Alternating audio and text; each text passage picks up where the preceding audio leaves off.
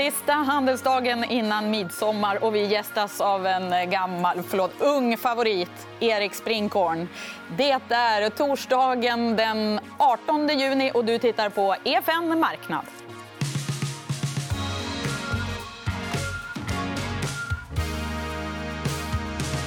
Vad säger du om den presentationen? Det var väl okej. Okay. Ja. Du, du, har inte varit här sen i mitten av mars. Det har hänt en hel del sen dess. Du, du satt liksom inne med någon typ av facit då, vill jag påstå. Ja, i min clairvoyance såg jag precis hur, hur allting skulle gå upp 50% sen dess. Ja. Ja, men du var faktiskt väldigt... Du var ganska optimistisk. Det var du. Ja, både jag och Christian tycker att vi slog an någon slags positiv ton. Mm. Och det fanns ju goda skäl till det. Allting såg väldigt brunt ut och då brukar det vara så att det faktiskt är bra lägen. Ja. Det var Christian Granqvist som du var här samtidigt. Han var ovanligt positiv. Han brukar väl vara mer balanserad. Ja. Men hur har du reagerat? då? Det har ju varit en betydligt starkare börs än vad många trodde. i alla fall. Ja, men alltså, sanningen är vi, jag var inte särskilt kaxig där på botten heller. Mm. Jag tror att det var väl inget... Men vi försökte ändå successivt, allt eftersom vi lärde oss mer om sentimentet kring krisen. Så nu kan vi ändå sträcka ut klorna lite grann och vara lite mer offensiva. Så successivt har vi också... Och det märks inte minst att vi har med ett dussintal riktade emissioner under den här perioden. Mm. Och, och eh, tycker jag ändå sträckt ut klorna som sagt lite. Mm. Liksom dragspel i risktagande så där vi ändå har dragit ut det. Och nu är det midsommar, så nu, nu går det inte att dra kanske. nu går det inte att trycka in det. Ja, men du, ska vi, när du är ändå inne på det, det här med sentimentet. Då, ska ja. vi kolla på... Vi har en graf som visar mm. börshumöret just nu. Ja, det här är ju uh, sentiment över hela världen kring coronaviruset. Och det, det det är det som var det stora okända. En epidemi, som vi, eller pandemi, som vi, en effekt på världen och världsekonomin som vi inte har sett någonsin tidigare. Ehm, så hur ska man, vad finns det att hålla sig? Hur ska man hitta någon riktning i det här? Då, då, då hittar vi den här graf, eller tjänsten från Ravenpack som gör eh, AI-tjänst för ostrukturerad data och, mm. satt upp ett, ett globalt sentimentindex. Och det såg vi hur det bottnade här i mars. Mm. Och, eh, sen dess har det ju faktiskt gått eh, spikrakt upp och var till och med för några dagar sedan, någon vecka sedan över noll. Då. Mm. Det vill säga bättre sentiment till covid än vid, vid krisens början. Mm. Och den, den här lilla kroken som vi ser här på slutet, då, är det den här känslan, eh, oro man kan uppleva nu för en andra våg? Eller vad, vad, ja, det är nya utbrott i Kina. rapporteras det. om. Och det är faran kring den andra vågen som utlöser det droppet i sentiment och, och drog aktiemarknaden med sig. Mm. Och så omedelbart ett svar från Fed. Mm. Mer likviditet in i marknaden. Så vänder marknaden upp igen. Mm. Det, saker och ting händer ju så snabbt. Allting förändras nästan i realtid. Så att mm. just nu så känns det sentimentet ändå positivt. Det finns krut på sidlinjen. Det gör det. Det gör det. Hur du, ehm, hur, eh, du har en eh, bull and bear indikatorgraf här. Ja. Man kan... Hur har ja, men... investerarna positionerat sig här? Ja, men det, på, på temat eh, krut på sin, eller pengar på sidlinjen och krut kvar i kanonen. Det, det här indikerar då att, att folk är väldigt nervösa och eh, håller, eh, har inte sträckt ut klorna. Så att säga. Mm. Eh, vilket då skulle indikera att, att då finns det en stor potential att de förändras till, till mer mm. positivt sentiment och därmed så skulle det ge, ge bränsle åt aktiemarknaden. Just det. Och du har väl en till bild om hur, hur folk faktiskt är positionerade. Mm.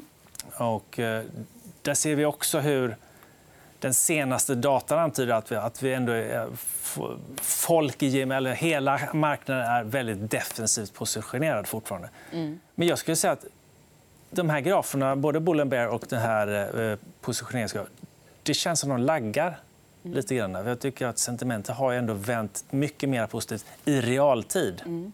Det ser vi inte minst på, på alla, alla emissioner som har skett eh, på marknaden, i alla fall i Sverige. Då. Men samtidigt så är ju den här andra vågshotet som hovrar över. Att man, mm. man känner också att men är, det, är vi på toppen. Ska det verkligen fortsätta så här? Jag vet, alltså, det är omöjligt att säga vart marknadsriktningen ska vägen. Men vi har alltid, hela tiden sett det så att det här kommer bli en dragkamp mm. mellan eh, virusets medicinska och faktiska effekter och sentimentet kring dem och hur det påverkar sen realekonomin. Alltså, det, är en, det är en kombinerad utbuds och efterfrågechock. Det, här. Mm. Som det är det som är det unika med det. Att det är lite grann oljeprischock från 70-talet samtidigt som ja, folk tappar jobbet och blir nervösa och vill inte köpa någonting. Ungefär. Mm. Så det blir en dubbeleffekt. Då. Hur illa blir det? Mm. Och mot det, så den andra pendeln är ju då, vad kan centralbanker göra vad kan regeringar göra för att stimulera igång ekonomin. Så hur det där kommer att landa, vilken kraft som vinner... Det är klart att det kommer att wobbla omkring, men över tid ser det ändå ut som om likviditeten regerar. Och, så, mm. och jag vet inte vad man ska säga om att centralbanker så fort det, det blir lite wobbel kring en andra våg i Kina så drar man på kranen. Mm. Det, det, det, är ett, nästan ett, ett försöka styra kranen i realtid också. lite ja. Så det är lite andelen bull and bear som man ska tolka? Ja, men alltså, du har de här stora krafterna. Ja. Ekonomin mot centralbankernas och regeringens agerande. Och, och det kommer liksom avgöra var vi hamnar tror jag, på, på aktiemarknaden. Det känns ju som att det finns ganska mycket... De har ju fortfarande ganska mycket eh, de är villiga att, att skjuta till väldigt mycket, centralbankerna. Och man ska man komma ihåg att en centralbank har, har alltid oändligt med krut. Ja. Om vi ändå hade det. Exakt. Hur, um, du har en ECRI-indexgraf med ja, dig också. Man ska gräva ner sig i ekonomin. Då.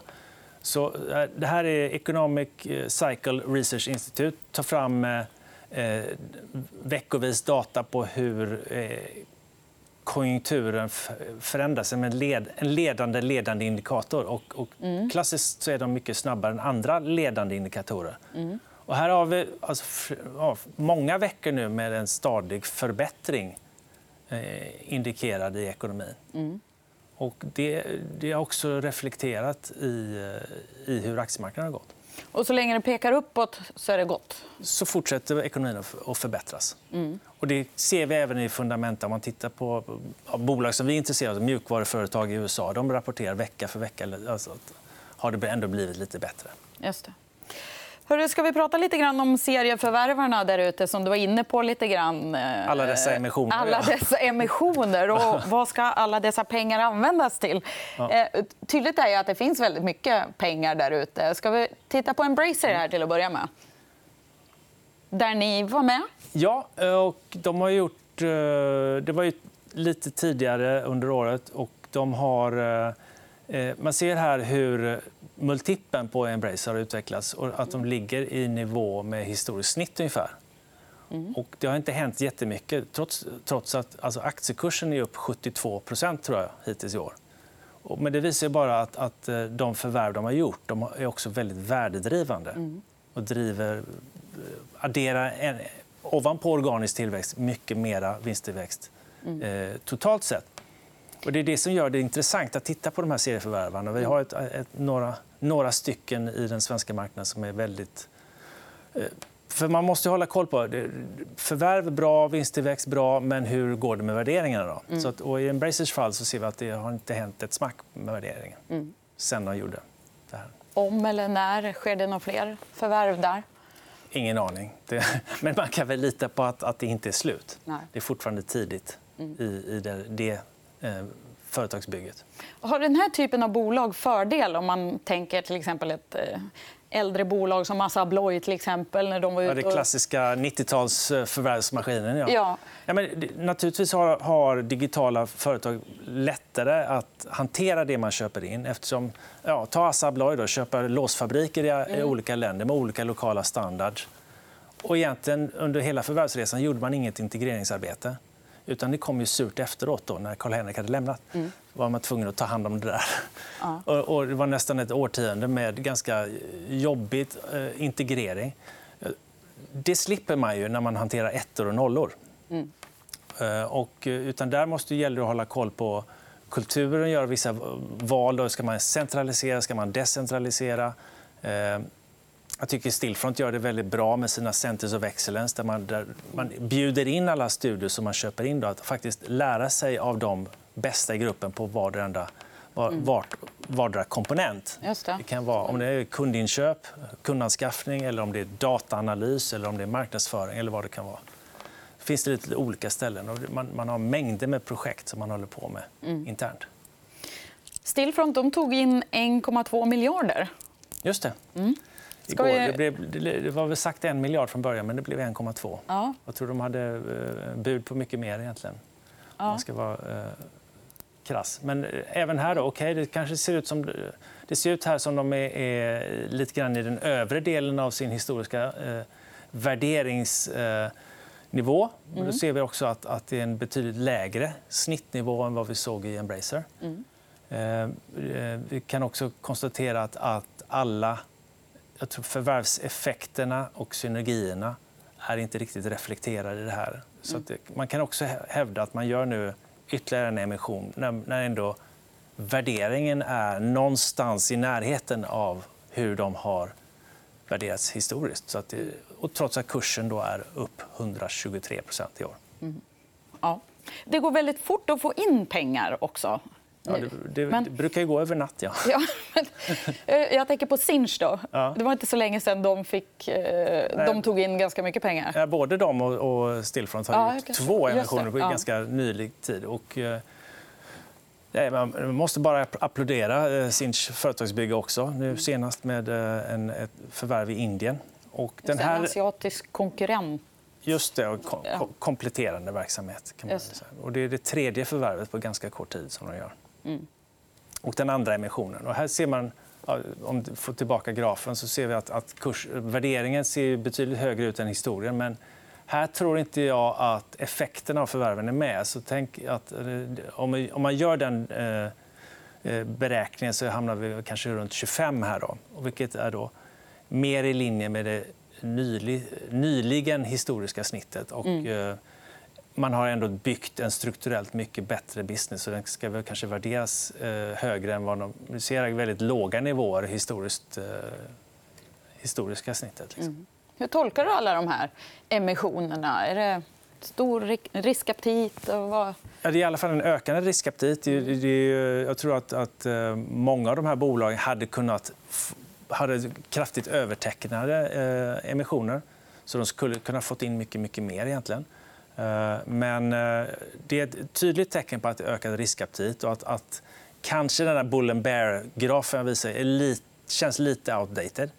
Eh, Det är klart att man kan, man kan allt annat lika bli lite nervös om det är massor med bolag som, tar in, som behöver pengar.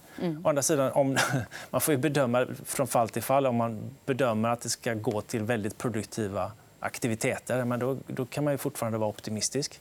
Speciellt då med de här bolagen som har ändå bevisad förmåga att förvärva och, och där det sker då till värderingar som inte är så långt ifrån historiska multiplar, vilket vi såg i de här fallen. Då. Så du, eh, vilka, vilka är det som ni har deltagit i? Du nämnde att ni hade varit med i en hel del här. Ja, vi har varit med i en IPO. Eh, det, är, det är lite färre, har ju varit lite färre såna, men det var ju Pexip i Norge. Eh, sen har vi varit med ett dussin riktade emissioner. Vi har nämnt eh, Stillfront, Embracer, Sinch, eh, Oncopeptides och ett antal mindre. Litium, det har varit Sensime, C-RAD. Liksom- det, har varit ett, varit ett, ett helt gäng. Men många av dem har varit lite, av lite mindre storlek. Men, men Embracer, Sinch och, och Stillfront har ju varit, eh, och Pexip har ju varit ganska mycket pengar som vi har satt i arbete. Just det. Så då kan man utgå ifrån att du tänker att kurserna kommer att ha lite mer att ge där. Då. Vet vad, vi är ju ägare, så vi hoppas ju på det i alla fall. Ja, vad bra! Vilken midsommarpresent du kom med. Ingen nubbe, så får vi prata lite aktier istället. Ja, det är bra det. Ja. Du, vi sätter punkt där. Glad midsommar. Tack för att du kom hit. Tack så mycket. Tack samma. Ha det bra. Och glad midsommar till er. Vi är tillbaka efter helgen på måndag klockan 11.45 i vanlig ordning. Hej, hej så länge.